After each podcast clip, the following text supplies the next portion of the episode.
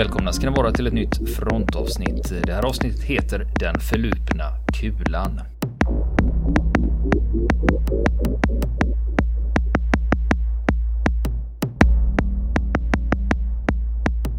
Förlupna kulan. Är det Karl XII nu igen eller? Nej, vi, vi brukar inte hålla på så mycket med 1700-tal och sånt, Nej. utan vi brukar hålla oss till modernare grejer. Ja. Det är nämligen så här att ibland så snurrar det runt historier som man har hört och anat och liksom känner till lite grann. Och då kan det vara väldigt roligt eh, för oss som håller på med sådana här grejer och faktiskt gräva sig ner och ta reda på varenda jävla detalj. Vad var det som hände egentligen? ja. Och första gången jag hörde talas om det här, det var när jag gjorde lumpen. Då var det så här, vi vi hade ju eh, KSB 58. Mm. Jajamän. Och Det eh, har man skjutit med. ja, jo, men det är nyttigt, det är sånt man ska. Danande. Ja, ja, det är roligt vapen. Men det var just det, vi fick inte göra mejningsövningar, det vill säga när du går med den vid höften och sprayar fram och tillbaka. Det kallades även för Ramboövning. Och då fick vi höra att eh, nej, det hade hänt en olycka i samband med en sån mejningsövning en gång och då var det eh, då fick vi inte göra det då. Eh, och, och sen har jag hört talas om den här på, grejen på lite olika forum och så började jag nysta i det där. Och eh, då har jag hittat historien bakom det här. Hur det här dyker upp. För det är ibland när folk återberättar historier, någon har hört något och så lägger de till och drar ifrån. Men nu ska ni få höra hur det, vad som egentligen hände. Och den här historien heter inte bara den förlupna kulan, den heter även dödsolyckan vid Ing 1, Södertälje, 1991. Okej. Och det här börjar, det här är den 18 juli 1991. Vid halv fyra tiden på eftermiddagen, då kallas polis ambulans till en bilolycka. Och det här är på länsväg 516 i Sörmland. Och den här vägen, den här länsvägen, den går mellan Tveta och Nykvarn. Och bilen, det är en Audi 80, den har kört av vägen. Så det första larmet som kommer, det är en bilolycka, en bil har gått av vägen. Och bilisten, han har kommit körande österut. Men plötsligt har han kört vänster över vägbanan och ner i diket. Och där har det tagit stopp vid en korsning. Och ambulans och polis kommer dit och ur bilen så lyfts en blodig och livlös 18-åring. Och han heter Mikael Nilsson och kommer från Nykvarn. Och om ni läser om det här fallet så benämns han ibland som 19-åringen. Men vid det här tillfället, den 18 juli, då var han 18 år. För han skulle fylla 19 om två veckor. Okej. Och grejen var att han låg själv i lumpen Mm. vid det här tillfället, fast vid S3 i Boden. Men han var hemma på sommarledighet. Han hade sommarpermis. Mm. Och han förs med ambulans till sjukhus. Och det är först på Södertälje sjukhus som upptäcker en skada i vänster tinning. När ambulanspersonalen lyfte ur honom, han var blodig och så. Men de hade inte uppfattat att han hade någon, några synliga skador direkt. Utan det man upptäcker på sjukhuset är en skada från en kula som har kaliber 762. Ett kulhål alltså. Ett kulhål i tinningen. Ja, så Karl XII nämnde du ju först där. Ja. Ja. Och Mikael Nilsson, han är medvetslös när han kommer in, men han avlider av sina skador. Okej. Och sen när de obducerar honom, då, han har ju träffats i vänster tinning. Kulan påträffas rakt innanför höger skallben, så den har ju passerat tvärs genom hjärnan på honom. Mm. Och han avlider. Och polisen, de börjar ju då utreda vad som har hänt när de får reda på det här. Men så hittar de inga skador på bilen överhuvudtaget. Och ambulanspersonalen, de berättar för polisen att vänster sidoruta, när vi kommer fram, då är vänster sidoruta öppen. Och då börjar polisen misstänka att den här kulan kan ha kommit från Ingets övningsområde och det ligger några kilometer därifrån. För om man hittar en 762-kula ur den här mm, tiden, tidpunkten, det var ju fortfarande, Militär- vi hade ju väldigt mycket militär verksamhet i, i Sverige. Och teorin de har, polisen då, det är att 18-årige Mikael Nilsson, han har kommit körande med sin Audi 80 österut på länsvägen och haft rutan nervevad. Och precis när han passerar det här övningsområdet, då kommer det en kula flygande och då har den här kulan färdats 2,5 kilometer. Den slår in i tinningen på honom och eh, han kör av vägen. Maximal otur och kommer körande i en 70-sträcka där Ja, visst. komma körande och få en kula i tinningen precis när man passerar. Och de hittar ju inga andra skador på den här bilen. Så de tänker så här att om det är ju inte en svärm av kulor som har kommit och träffat bilen. Men å andra sidan, eh, om du skjuter två och en halv kilometer bort, va? Då sprider det sig. då hinner det ju sprida sig en hel del. Och polisen, de kontaktar samma dag, senare på kvällen, de kontaktar regementet Inget. Det heter ju Svea ingenjörsregemente. Och då får de reda på att vid tidpunkten för ol och då får de reda på att vid tidpunkten för olyckan då bedrevs det en stridsskjutningsövning med 18 värnpliktiga på övningsfältet. Och de vapnen de använde där, det var AK4, KSB 58 och GRG. Och KSB och KSB 58 och AK4 har ju samma kaliber, det är ju 762. Så polisen begär in vapnen som användes den dagen för att se om kulan matchar något av vapnen. Och då får de in 10 AK4, en KSB 58 och 8 piper till kulsprutan. Det är ju mm. så att KSB 58 är ju luftkyld och i praktiken gör det så att du skjuter 250 skott. Det är så mm. många skott det är i en bandlåda. Sen byter du pipa så till varje KSB då hör det två piper som du växlar mellan och då har mm. en skytt och en laddare. Laddaren matar band och byter pipa. Och är du ett vältrimmat stridspar då sker pipbytet på några sekunder. Mm. Och utöver bandlådan så har man också en tygkassett som man kan fästa på KSB. Och då kan man ju röra sig med KSB laddad.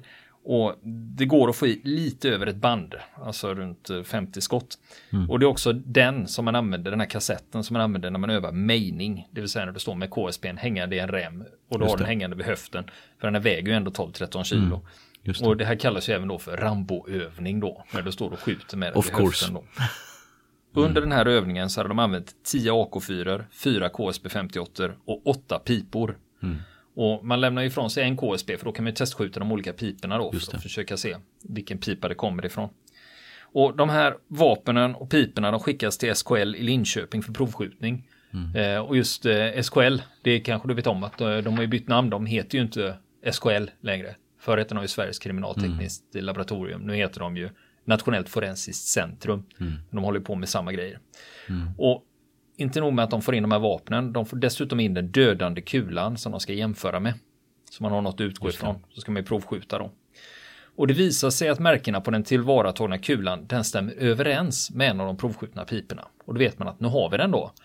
Men man vet nu att kulan kommer från en KSB 58 och den användes på övningsplatsen. Men vem är det som har avlossat det dödande skottet? Mm. Och det som polisen nu intresserar sig för det är hur har den här övningen egentligen gått till? Och hur kan det komma sig att den här förlupna kulan inte fångats upp av mark eller träd? Hur har man burit sig åt? För militären har väldigt tydliga reglementen för hur man genomför en skjutövning. Så det är inte bara det att man åker ut och börjar, utan det ska ju planeras och det finns mängder med regler mm. hur man ska göra för att sånt här inte ska kunna inträffa. Alltså börjar man förhöra befälen. Och i den här historien, då är namnen på de inblandade ganska ointressanta. Så jag kommer inte att mm. outa någon här och säga vad de heter. Men andra sidan, eh, jag tycker sånt ofta är ganska meningslöst för storyn håller ändå. Ja, så om jag säger att någon heter Johan Bengtsson eller Martin Berglund eller något sånt så mm. det, säger ju absolut ingenting. Utan istället så kommer jag att kalla dem för sergeanten, fänriken och majoren. Mm. Och och jag vet att det finns en viss sannolikhet att några av våra lyssnare vet vilka det här är. Mm. De här, den här fänriken, sergeanten och majoren. Och eftersom det utspelar sig på inget 1991 också. Mm. Så det är inte allt för långt tillbaka i tiden. Nej, men det behöver vi inte hålla på och spekulera. Men vi skiter i det och vi, be, vi ber er att också inte outa. Outa dem inte på vår sida, snälla. Det, det här är ju det, många, det tjänar ingenting. Det, det, är historien som sån som är intressant. Just det, så outa ingen eh, om det här, även om ni vet vilka det är. Och nu ska vi komma ihåg det här med 90-talet. Vi hade ju fortfarande värnplikt med ungefär 55 000 killar per år. Och då händer mm. det ju olyckor. Och Aftonbladet hade gjort en eh, lista på hur många värnpliktiga som hade dött under 90-talet. Mm. Och först var det 1990. Eh, då dog det två stycken värnpliktiga. En var på P6 i Kristianstad. Han träffades av eldpelan från en pansarvärnskanon och avled omedelbart. Mm. Och sen var det en värnpliktig vid K4 i Arvidsjaur som träffas av fyra skott när hans grupp tränar eldgivning med kulspruta. Mm. 1991, eh, två döda. En värnpliktig vid F4 i Östersund vårdaskjuts till döds när han och en kamrat tävlar om vem som först kan få sin AK4 skjutklar. Mm. Jag vet att många som lyssnar där känner igen de här olyckorna eller har hört talas om dem. Och sen har vi också en eh, annan grej de, som Aftonbladet har missuppfattat här faktiskt i sin lista. De skriver så här. En värnpliktig skjuts ihjäl vid S3 i Boden en grupp värnpliktiga tränar närstrid med kulsprutan hängande vid höften. Mm. Ja, och det är ju exakt det vi pratar om här. Fast olyck, han var, låg ju i lumpen i S3 Mm. så det är ju därför han i, i liksom statistiken har listat som en värnpliktig S3 Boden Just det. avliden. Så då har man ju inte känt till eh, alla omständigheter kring det här fallet. Då. Och sen 95, då är det två döda. En värnpliktig Mm. drunknade vid Fysim i en vattenövningshall. Och en värnpliktig Mm. vid I20 dog när pansarbandvagnen han var passagerare i slog runt och började brinna. Mm. Och det var 13 skadade också det året. 1996, två döda. En värnpliktig Mm. vid NB5. Och NB5, det är ju Nord, vad heter det? Nordic Bat- Battle Group va? Ja, Nordic, det det. Nordic, Nordic Battle Group, ja. Nordic. Battle Group 5. Han omkom när han blev påkörd av en backande pansarbandvagn. Och en 21-årig värnpliktig vid K1 sköts ihjäl i samband med en stridsövning. 97. Tre döda. En värnpliktig vid eh, Nordic Battle Group 21 i Sollefteå sköts ihjäl när han lutade sig mot vapnet i en pansarbandvagn. En värnpliktig i Karlskrona avled när han övade fri uppstigning i en dyktank. Och en värnpliktig omkom när bilen han färdades i krockade. 98, två döda, två värnpliktiga omkom vid en trafikolycka på väg E18 på väg hem från en övning. Och 1999, en värnpliktig avlider vid K2. Han drunknar när han ska vada mellan två, eh, mellan två öar. Det- och, och vi, och Det det, var ju rätt mycket, alltså det här är ju bara de allra värsta men så jag kommer ihåg från min tid, alltså på 80-talet när man gjorde lumpen och så vidare, att det var ju väldigt mycket olyckor. och att det inte var, jag tänker Ja, mer att det inte var att det fler inte var fler. Ja. För jag drog mig till minnes, jag vet när jag låg inne, då hade vi, där jag låg på den flottiljen, då hade vi tre Mm. dödsfall i anslutning till flottiljen. Eh, Och då var det två civilister som avled i krock med en militär buss. Det var civilister i en, i en vanlig personbil som blev påkörd av en militärbuss. Två avlider. Mm. Ja. Och sen hade vi pilot då, eller ja, flygförare heter det ju i militären. Mm. Han omkom när han störtade i Kattegatt med sitt eh, flygplan. Just det. Och, och det, det här, den här flygolyckan, det var, eh, de körde en luftstridsövning på låg höjd tillsammans med ytterligare fyra eh, flygplan. Och flygföraren som omkom här, han var rotorchef och störtade i havet vid 11-tiden den dagen. Och eh, de hittade honom sen, han låg i räddningsflotten, men han var redan avliden då.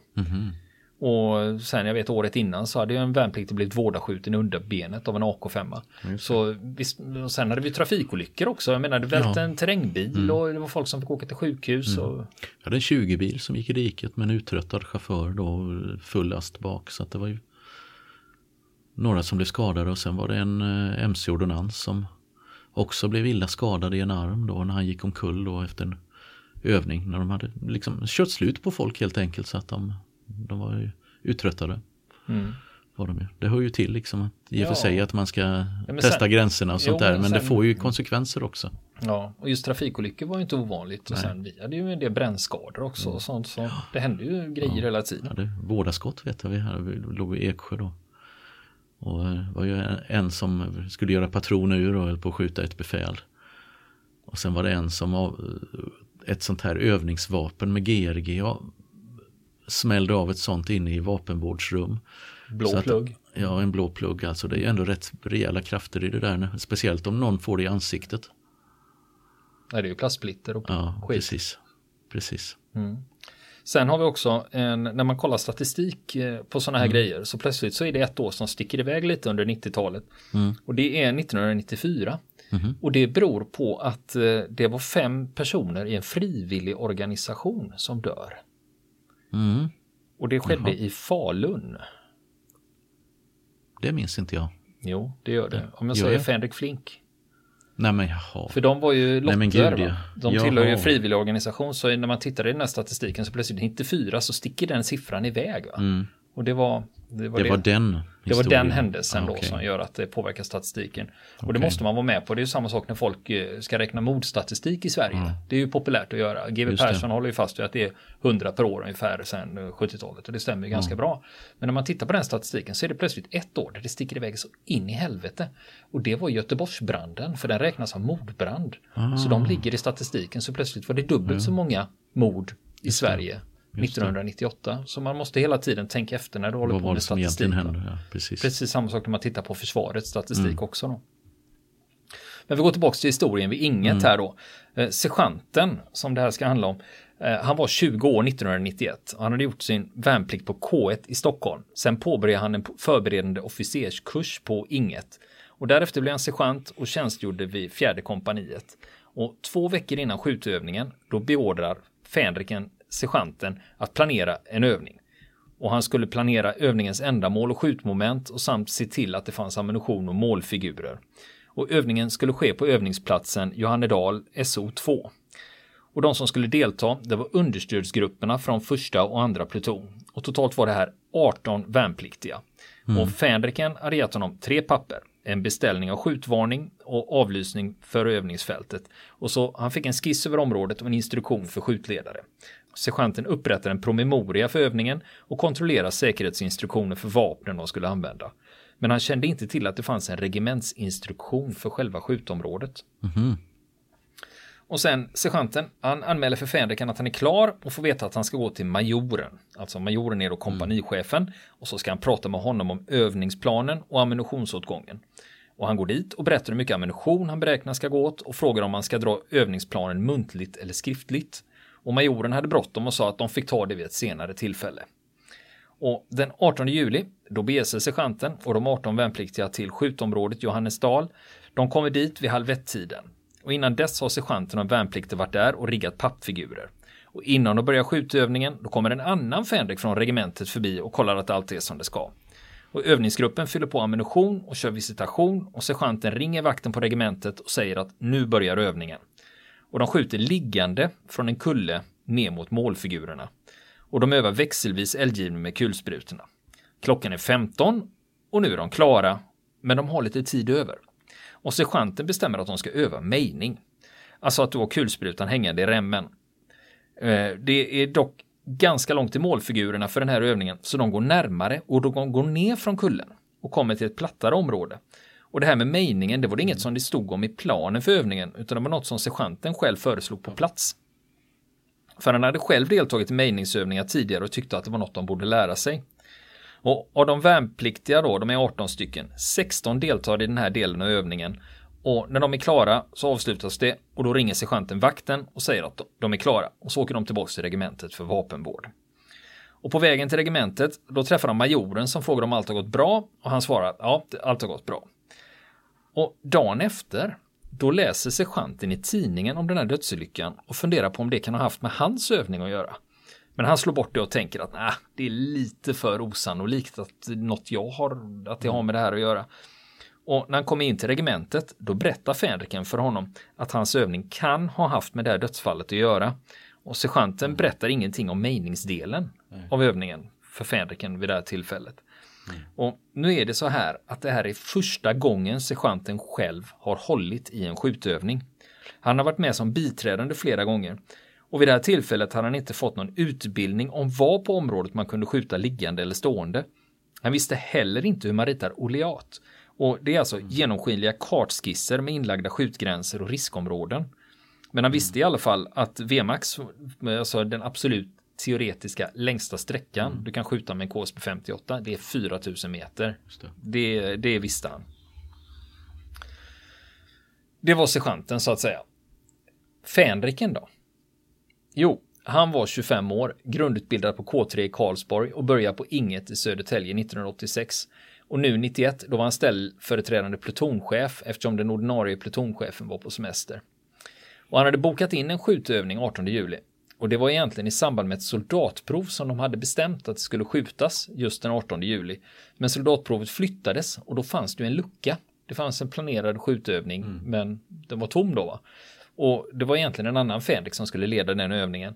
Men den här aktuella Fänriken han föreslog för majoren att de skulle utnyttja den här lediga avlysningen till en annan skjutövning. Och det tyckte majoren då att ja men det är bra, det gör vi. Och majoren han sa att han skulle prata med plutonchefen på första pluton och de bestämde att de skulle öva med understödsgrupperna på första och andra pluton. Och det var sommar och de hade ont om officerare. Alltså bestämde Fänriken att sergeanten skulle leda skjutövningen. Han sa att sergeanten har varit med på flera övningar och skulle klara det här mycket bra. Och Fänriken upprättade en övningsplan där han skrev att de värnpliktiga skulle skjuta liggande med KSB 58 från skjutplatserna A och B på Johannesdals övningsfält. Och i planen anges sergeanten som övningsledare. Han berättar också det för majoren. Att han har, äh, ska vara övningsledare, men majoren kommenterar inte det överhuvudtaget. Nej. Och först på måndagen då, då är det den 15 juli, då träffas fänriken och sergeanten och går igenom övningen.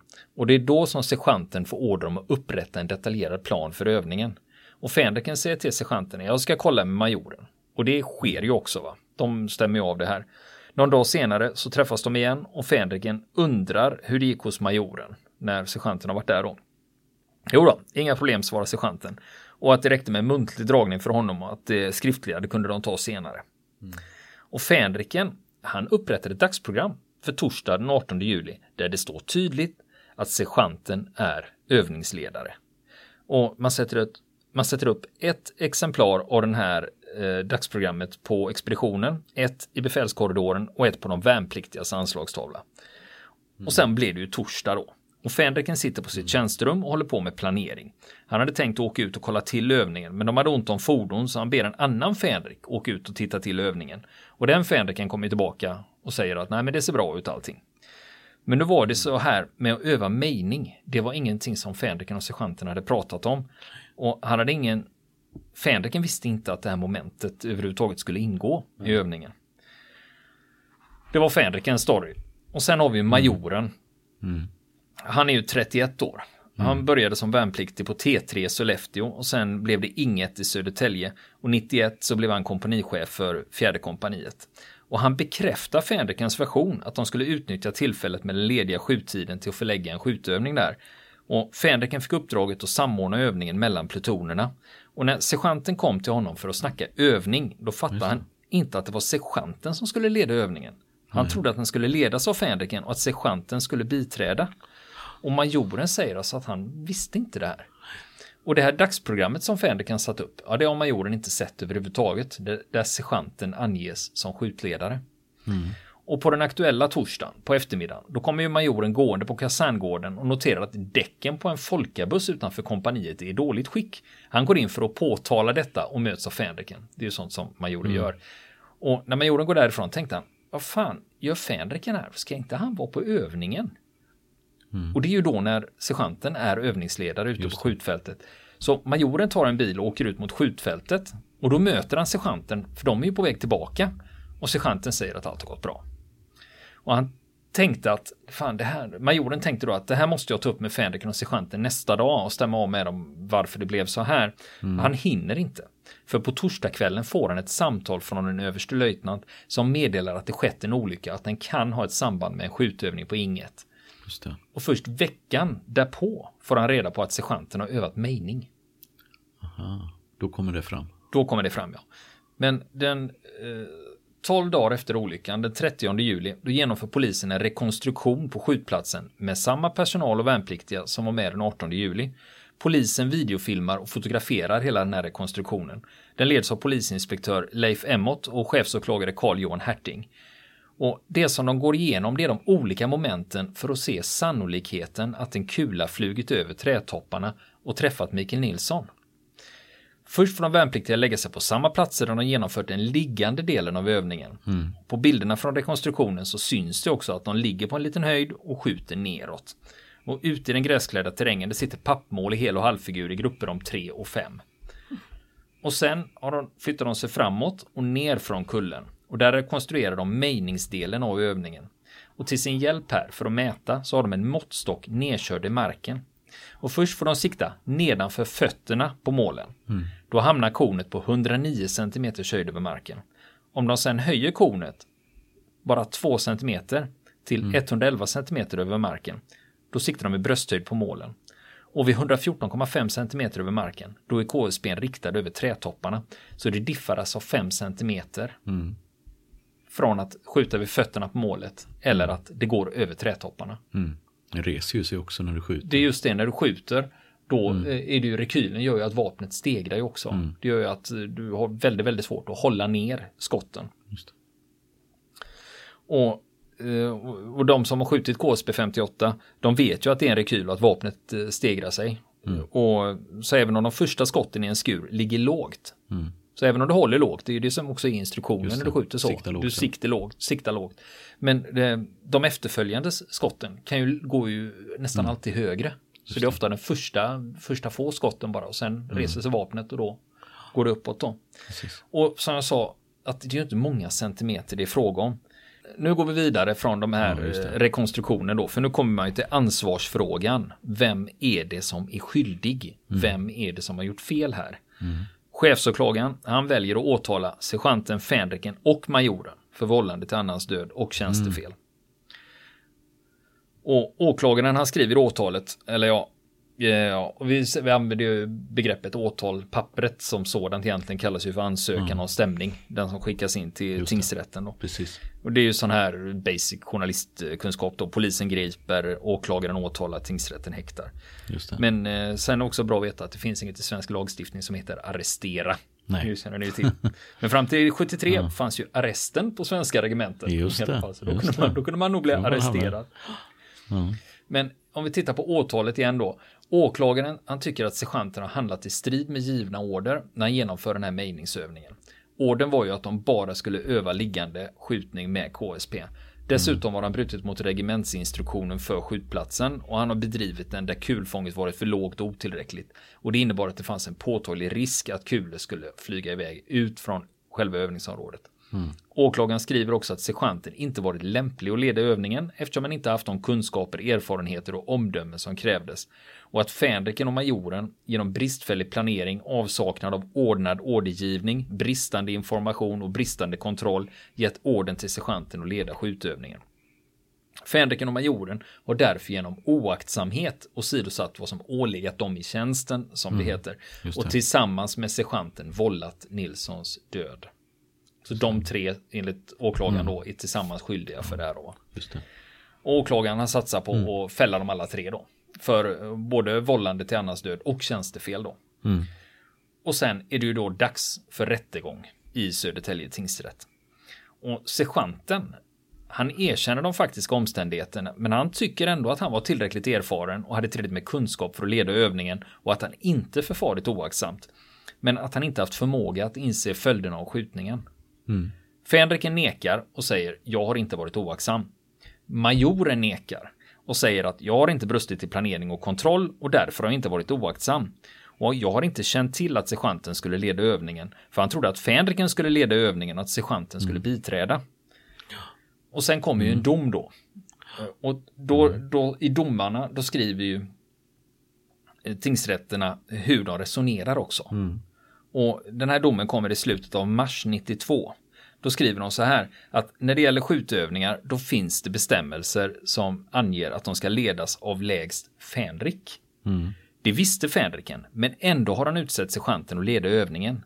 På grund av det så har han gjort sig skyldig till tjänstefel. Majoren har ju påstått att han trodde att Fänriken skulle leda övningen, men Fänriken säger att han sagt till majoren två gånger att sergeanten ska leda övningen och att sergeanten sagt att han träffat och pratat med majoren inför övningen. Dessutom stod det ju på dagsprogrammet som han hade satt upp på tre olika ställen att det var sergeanten som skulle leda övningen. Men majoren han säger sig inte ha sett dagsprogrammet. Men det tror inte tingsrätten på utan de tänker om de satt upp den på tre ställen så har han garanterat sett den. Och sen när majoren åker ut och möter sergeanten precis när övningen avslutats. Varför ifrågasätter han inte då? Att varför har du lett den här övningen? Han har inte kritiserat Fänriken eller sergeanten. Och det tror tingsrätten att majoren hade gjort om man då hade fått reda på att det var sergeanten som ledde övningen. Så därför tror de att han ljuger. Just det. Så tingsrätten tror att majoren kände till det här och borde ingripit och då dömer de honom för tjänstefel. Och när det gäller sergeanten så har det faktum att han lett övningen som han var beordrad att göra. Han har inte begått tjänstefel när det gäller det. Utan det var när han la till det extra momentet med mejning som han frångick orden. Och för övningen har genomförts på ett sådant sätt att den bryter mot instruktionerna så att kulorna kunde nå, kunde nå länsväg 516. Så genom att beordra och genomföra mejningsövningen, det är där han begår tjänstefelet.